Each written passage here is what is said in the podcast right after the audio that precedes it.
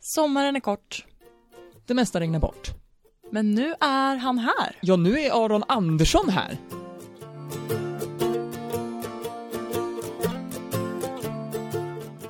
Eh, Aron Andersson, välkommen. Tack så mycket. Vad roligt att ha dig här. Jättekul vara här. Vill du berätta lite kort vem du är? Jag är den julbente äventyraren. Just det. Bra Jag, jag sitter i rullstol så, så det är lite kul så för de som Ja. ser det. Jag, Jaha, och gud jag fattade inte först. Jag bara, är du julben? och sen bara, jaha. det min min mamma är från. Göteborg så jag får dra sådana dåliga skämt Ja. tänker jag. Nej men jag, jag åker världen runt och gör roliga spännande projekt som äventyrare. Jag föreläser en hel massa också. Ambassadör för Barncancerfonden. Drar in massa pengar till dem och jag, jag gör roliga saker helt enkelt.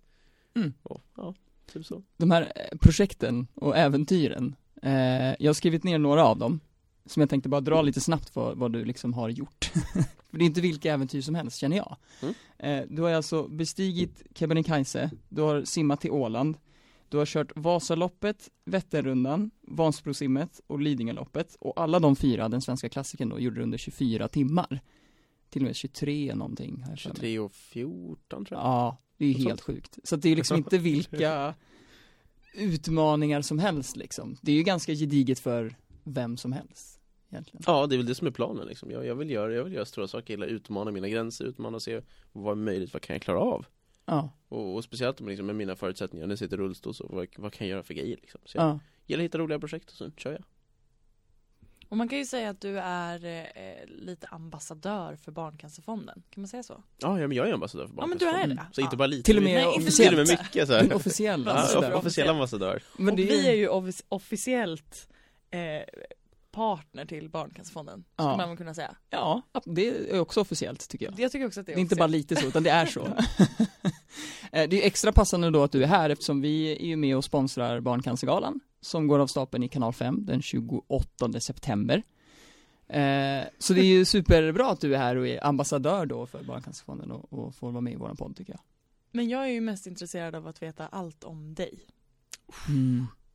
eh, Det börjar med egentligen att jag är sju år gammal jag Sitter i bilen på väg ner till mormor och morfar från Göteborg för att fira jul. Och när vi sitter i bilen så, så får jag ont. Så jag får, får en smärta från min rumpa när jag sitter ner. Och efter det så försvinner inte den smärtan. Den blir bara värre och värre varje gång jag sitter ner. Och till slut efter några veckor kommer jag in till sjukhuset och då kan man konstatera att jag har en cancertumör i mitt bäcken. Så nere i korsbenet i ländryggen sitter en cancertumör. Och så försöker man bota den med liksom cellgifter och strålning och allt sånt men inget funkar. Och då ungefär ett år senare blir man tvungen att operera mig. Så när jag är nio år gammal opereras jag. Och man tar bort den här cancertumören och i samband med det så skär man även av en massa nerver som går till mina ben. Och det är därför jag då sitter i rullstol för jag kan liksom inte använda benen fullt ut så. Och det visste de innan de gjorde det här ingreppet att var det bara en risk eller var det det här måste vi göra? Nej, när man gjorde den operationen så visste man att nerver Ja. kommer skadas För det går massa nerver Ja. genom det här, det här benet Väldigt känsligt, satt, liksom. Det är ett väldigt känsligt område så. Ja. så det visste man att det, det skulle hända Man visste väl kanske inte exakt på vilken nivå det skulle bli liksom, Nej, hur, okej. hur omfattande min skada skulle bli Men man visste att jag skulle få nervpåverkan liksom. När man är nio år och får det beskedet att det här kommer liksom ske i olika, hur, har du något minne av liksom hur du tog det eller hur det kändes där och då liksom? Att nu kommer jag liksom förmodligen kanske inte få eh, fullt ut känsel och rörlighet i benen liksom. Det var ju ett väldigt Det var ett väldigt tufft besked att få, Mm. självklart Men samtidigt i allt det här så, så visste jag att jag hade ingen val Det var, det var bara operation som gällde Det var Ja. det enda sättet att rädda mitt liv i det här, Ja, vid det här tillfället och, och då var det bara att, att köra på det ja. Ja, det är verkligen inget val Men om du tänker tillbaka på tiden när eh, du verkligen var drabbad av cancer. Eh, finns det något råd som du kan ge till familjer som är i den situationen nu? Jag tror största rådet är att försöka hålla kvar på så mycket normala rutiner och saker i vardagen som möjligt. För att det är så mycket som ändras. Men då att, att kunna ha de här som trygga punkterna, kunna hålla kvar på liksom, trygga rutiner, det tror jag är väldigt viktigt mentalt för att, att kunna ta sig ut på andra sidan ett, liksom hel. Så det, det tror jag jättemycket på. Så som i mitt fall, en, en av de sakerna som jag gjorde var att det var att, vad heter det, försöka eh, plugga och hänga med i skolan så mycket det bara gick. Så jag satt där ofta på sjukhus och satt och gjorde matte och sånt och hängde med matteboken och allt vad det nu var och, och det vart en viktig grej att upprätthålla de här normala rutinerna.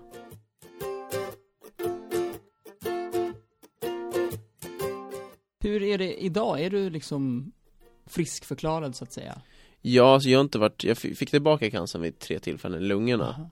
Men det var när jag var liten då, när jag var 11 någonting Så jag har inte jag har haft tillbaka cancern på säkert 15 år Så jag, jag är friskförklarad nu, absolut Så då har jag väl liksom samma risk som vem som helst att bli sjuk igen Finns det, fanns det någonting som du känner stärkte dig? Som du kommer ihåg?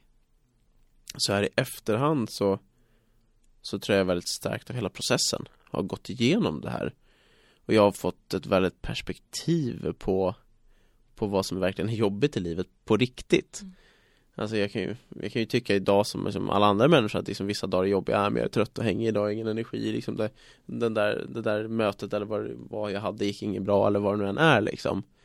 Och då har jag ändå lite att tänka tillbaka till och Mm. tänka att Ja men okej, hur jobbigt är det egentligen med tanke på det jag gått igenom? Med tanke på liksom cancern och cellgiften och allt för det Det här är ju ingenting liksom. Kom igen nu Aron, kör liksom. Och det där är jag väldigt, väldigt stärkt av. Och, och jag tror även att Ja men hela min barndom egentligen, eller den här, de här jobbiga åren blir ju som mental träning Hur, eh, hur går man då från den upplevelsen som du var tvungen att gå igenom till att bestiga Kebnekaise liksom? Hur, hur var din process där? Hur kom du liksom på att det här, nu ska jag utmana mig så fysiskt det bara går och jag sitter i rullstol liksom Alltså, alltså hur, Till att börja med för att göra lång historia kort det, Direkt efter, alltså direkt, direkt egentligen när jag hamnade i rullstol Så kände jag att jag ville börja idrotta igen. För jag hade alltid idrottat mycket när jag var liten Och liksom det var, innan jag blev sjuk så var det så här, fotboll, innebandy, hockeyskola och allt sånt där. Mm. så, så, så när jag då hamnade i rullstol så kände jag att jag, vill, jag vill idrotta igen. Och då provade jag en massa sporter och började med friidrott och källhockey och segling och alla möjliga grejer som jag tyckte var väldigt roliga. Och sommaren, eller egentligen 2012 håller jag på att satsa mot Paralympics i, i London i friidrott. Och då innan hade jag gjort tre Paralympics, hade gått liksom, varit väldigt framgångsrik i idrotten. Men 2012 då skulle jag verkligen slå igenom och ta det här Paralympics, den här Paralympics-medaljen tänkte jag. Men i början på, på 2012 höll jag på att satsa där mot London så, så började jag få problem med min högra höft. Och det slutar sen med att jag röntgar den här och man ser att höften ligger i led. Och det är inte så här, det är inget bra tecken liksom. Det känns som ett dåligt tecken. spontant inte alls bra. Ytterst obra. Så, så till slut så, så inser vi att jag kommer missa London för jag måste opereras istället för att fixa det här för att jag har sådana smärtor så jag liksom inte kan sova på nätterna så det är helt hopplöst. Så jag opereras och får får en höftled och det här gör då så att jag inte kan egentligen fortsätta med friidrotten på den nivån jag var innan För att jag liksom tappar rörlighet som jag behöver för att kunna köra friidrotten och då började jag tänka, jaha, vad ska jag nu då? Jag har hållit på med, friidrotten har liksom varit mitt den stora grejen i mitt liv Och jag har hållit på och tränat som en galning i 12 år för att bli bäst Men nu kan jag inte göra det längre, vad, vad gör jag istället? Och då, i, liksom i den vevan så blir jag utmanad att eh, Utmanad av en vän att bestiga Kebnekaise Och först är jag väl lite såhär, men berg, hur ska jag kunna fixa det? Jag sitter i rullstol liksom, hur ska det här gå? Men, men så börjar jag hitta något system där jag tänker att jag kan gå lite med kryckor, jag kan dra mig fram på armarna, jag kan krypa liksom Och sen slutar det med att jag sätter upp det målet och jag, jag ett antal månader senare sitter på toppen på Kebnekaise Jag vill fråga om Åland. Ja, Herregud, det hände ju ändå ganska nyss. Ja, vad vill du fråga om? Vad hände egentligen? du simmar till Finland Ja, rent krasst så simmar ju faktiskt i Finland På öppet hav? Ja, Utan att se någon tänkte jag säga. För du själv? Ja, jag hade en följebåt med mig. För lite säkerhet så. Ja. Men, men så här, jag, jag startade i Grisslehamn I den, vad var det, den 7 augusti i år. Så en månad sedan ungefär. Startade där, hoppade i vattnet och eh, simmade helt enkelt hela vägen till Signeskär på Åland. Så det var väldigt tufft och väldigt jobbigt, det var kallt i vattnet. Jag hade ont i hela kroppen kändes det som. Och man var rejält slut. Och, och mot slutet, eller sista en och en halv milen så var det även rejäla vågor. Mm. Och det började blåsa upp riktigt ordentligt. Vi hade, hade sett prognosen innan. Prognoserna skulle sa att det skulle blåsa 2-4 sekundmeter och det är ingen större fara. På slutet blåste det 10 sekundmeter och gick en och en halv meter vågor. Mm. Och det var riktigt tufft och jobbigt.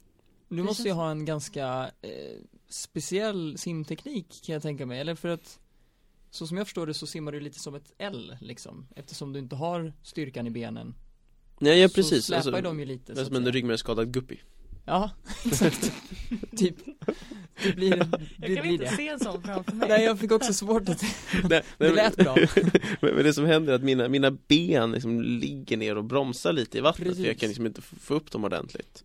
Så, så det blir ju extra jobbigt liksom. Och sen, Ja. sen kör jag ju bara med armarna. Ja, Så benen de, de ligger bara hänger där efter mig Så det- otroligt alltså. det, det blir väldigt, väldigt tufft och jobbigt och sen, jag kan ju tillägga att jag är ingen duktig simmare heller. Jag, jag, jag började simma för 18 månader sedan och lärde mig Mm. simma. Och simning det är ju traditionellt en sport som Du ska ju börja när du är så fem år gammal mm. för att bli duktig. För det är så mycket, mycket nötande. Mm. Så jag, jag började simma förra året inför Vansbrosimningen Och Just sen fick jag en idé från, från egentligen en, en vän till mig som sa "Men det här borde vi göra. Så började jag klura på det här projektet tänkte ja det vore en häftig utmaning att kunna klara av det Och sen slutade med att jag, jag gjorde det då. Och, och även där gjorde vi en stor insamling till Barncancerfonden så det här projektet Om det var 360 eller 370 000 kronor det genererade totalt. Vilket är helt magiskt. Ja verkligen. Hur lång tid tog det att simma till Finland? Och hur långt är det? det, Ja. det var 37 kilometer. Ja, och det tog 13 timmar. Åh gud. I 15 gradigt vatten. Åh, Men simmade du 13 timmar i sträck då? Ja, det jag gjorde, jag hade ju en följebåt med mig och en följekajak med mig Så det jag gjorde var 20 minut så stannade jag vattnet och så fick jag liksom vatten och sportdryck och sånt nedslängt till mig. Men jag låg kvar i vattnet. Ja. Och, och Hur långa var de pauserna liksom? Alltså utmaningen där var att jag tänkte att man skulle kunna ta en två minuters paus varje gång och få käka lite så här, få i sig ordentligt med energi. Mm. Men varje gång jag pausar så blir jag så otroligt kall. Ja, För alltså att stanna liksom, dra ner pulsen så, då blir kroppen kall. Mm. Så jag var tvungen att ta superkorta pauser, kanske bara 20-30 sekunder, kanske 40 liksom För att varje gång jag stannade så vart jag så kall och då måste jag öka tempot på simningen. Mm. och, och simma ännu snabbare för att få tillbaka värmen i kroppen, då var det väldigt jobbigt. Mm. Så det var i, i princip 13 timmar utan paus. Otroligt alltså. Det är helt sjukt Julia.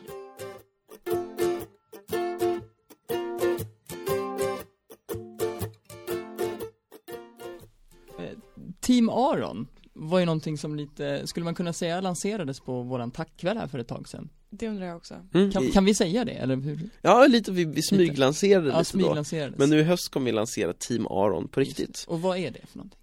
Team Aron, för att berätta historien bakom det, så började med att jag körde klassiken förra året Och, och då på, på alla de här grejerna, men Vasaloppet och Vätternrundan och allt sånt så, så tänkte jag att jag vill ha med mig folk Jag vill inte göra allt det här själv Jag vill skida tillsammans med folk på Vasaloppet och köra och cykla med folk på Vätternrundan och allt vad det är.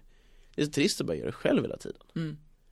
och, och då fick jag med mig folk som, som hängde med och så kallade vi det här liksom för, för Team Aron. Som, som, som, som gjorde de här grejerna med mig. Och, och så började vi se ett väldigt, väldigt intresse. Folk tyckte det var jättekul att vara med och göra för Barncancerfonden och göra för en bra sak och folk kände sig otroligt engagerade i det här. Och, och då började vi fundera, men skulle vi kunna skapa någonting lite större? Skapa något där fler personer kan vara engagerade och kanske inte behöver vara med i, i de grejerna jag gör utan kan göra egna saker liksom för den här, den här eh, bra saken. Och ju mer och mer vi tänkte på det ännu mest mer vi ja, men vi, vi, ska, vi ska bygga upp det här. Vi ska bygga upp liksom Team Aron på riktigt så att alla kan vara med. Så nu har vi startat Team Aron, Team Aron Sports Club som en idrottsklubb. Och där folk då ska kunna vara med och engagera sig och liksom tävla och träna och göra olika event för liksom Team Aron och vara med och samla in pengar till Barncancerfonden. Så det, det är hela, hela grejen kring det För det gör du ju också. Det är ju inte bara att du är eh, en daredevil som liksom klättrar i berg och cyklar och, och kör skidor och allt vad du nu gör. Utan det är också en lite djupare tanke bakom det. Absolut, jag, jag är så otroligt tacksam att jag klarar mig så bra som jag gjorde från, från min cancer och jag vill hjälpa andra barn och ungdomar att, att kunna ha lika tur som jag har haft och då har vi det, det gått otroligt bra, vi har samlat in jag tror nästan två miljoner kronor de senaste ett och ett halvt åren eller. Oj. det är, har inte siffrorna exakt i huvudet men det är otroligt mycket pengar Mm. och, och det är så, så häftigt och rörande att se hur folk vill vara med och bidra till det här och hjälpa till och, och samla in pengar på olika sätt. Och, och det vill vi då bygga vidare på, bygga något ännu större genom att kunna ta med ännu fler personer som är med i det här. Så det, det är planen då, så man kan gå in på teamaron.se och ska man kunna gå med där och regga sig och köpa snygga teamkläder och allt vad det nu än är och tillsammans då hjälpa till att dra in pengar till Barncancerfonden. Så Gud det, så det är målet. Så det håller vi på att dra igång på nu, på nu riktigt nu i höst. Det ska verkligen superlansera nu i höst på riktigt. Roligt. Vi får en liten extra lansering här då med andra. Lite så här grund, vi grundar, vi krattar. Ja, jag känner ändå att nu har vi varit med i liksom två Lanseringar. lanseringar. God och god podd har fått lansera Ja, Team Aron exakt. två gånger innan riktiga här lanseringar. Pre-pre-lansering och pre-lanseringen här liksom. Exakt. Och, och ni måste självklart vara med. Ja, Absolut. Ja, ja. fantastiskt. Måste Ja. man göra liksom något särskilt? Eller så här, måste man kunna göra alla de här sporterna? Du får göra vilken sport du vill. Ja, Du får bra. samla frimärken om du vill. Åh, Jag tycker om att springa. Det är fantastiskt. Då får du springa i snygga teamkläder sen. åh. Och just man får kanske lite sådana t-shirts och Ja, grejer om vi håller på att fixa allt sånt. Snyggt. Jag vill vara med. Nice. Absolut. Det löser vi. Hur, eh, hur känner du med för framtiden liksom? Om man ser, är, är det det här du ska göra nu tills det inte går längre? Eller eh, om tio år till exempel, vad, hur ser du liksom livet? Min vision för framtiden att jag vill, jag vill bygga större och häftigare och utveckla liksom, jag, jag älskar att gå framåt Mm. jag, jag måste utvecklas hela tiden för att inte tycka att det är tråkigt Mm. Och jag är liksom den där, ja men Jag vill bygga någonting Lite det här entreprenöriella, jag vill starta något liksom, Jag vill bygga något stort. Och jag vill utanför Sverige, som jag ska till USA, jag ska liksom göra det här worldwide, är planen. Jag vill åka runt och föreläsa på alla världens största företag. Jag vill dra in otroligt mycket pengar till bra saker och jag vill, jag vill verkligen skapa förändring. Det är det som jag går igång på, det är det som jag tycker är häftigt. Så med äventyr och sånt, vi har jättestora äventyr, häftiga projekt på gång och det går liksom åt det större större hela tiden.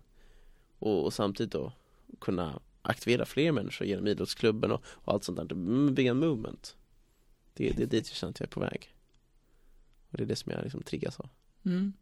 Häftigt. Vad är nästa utmaning som du ska göra? eh, Nästa utmaning är för Lidingöloppet Mhm. om några veckor och sen ska vi köra Tjurhuset efter det och sen nästa lite större så Mm. är Kilimanjaro i januari Oj.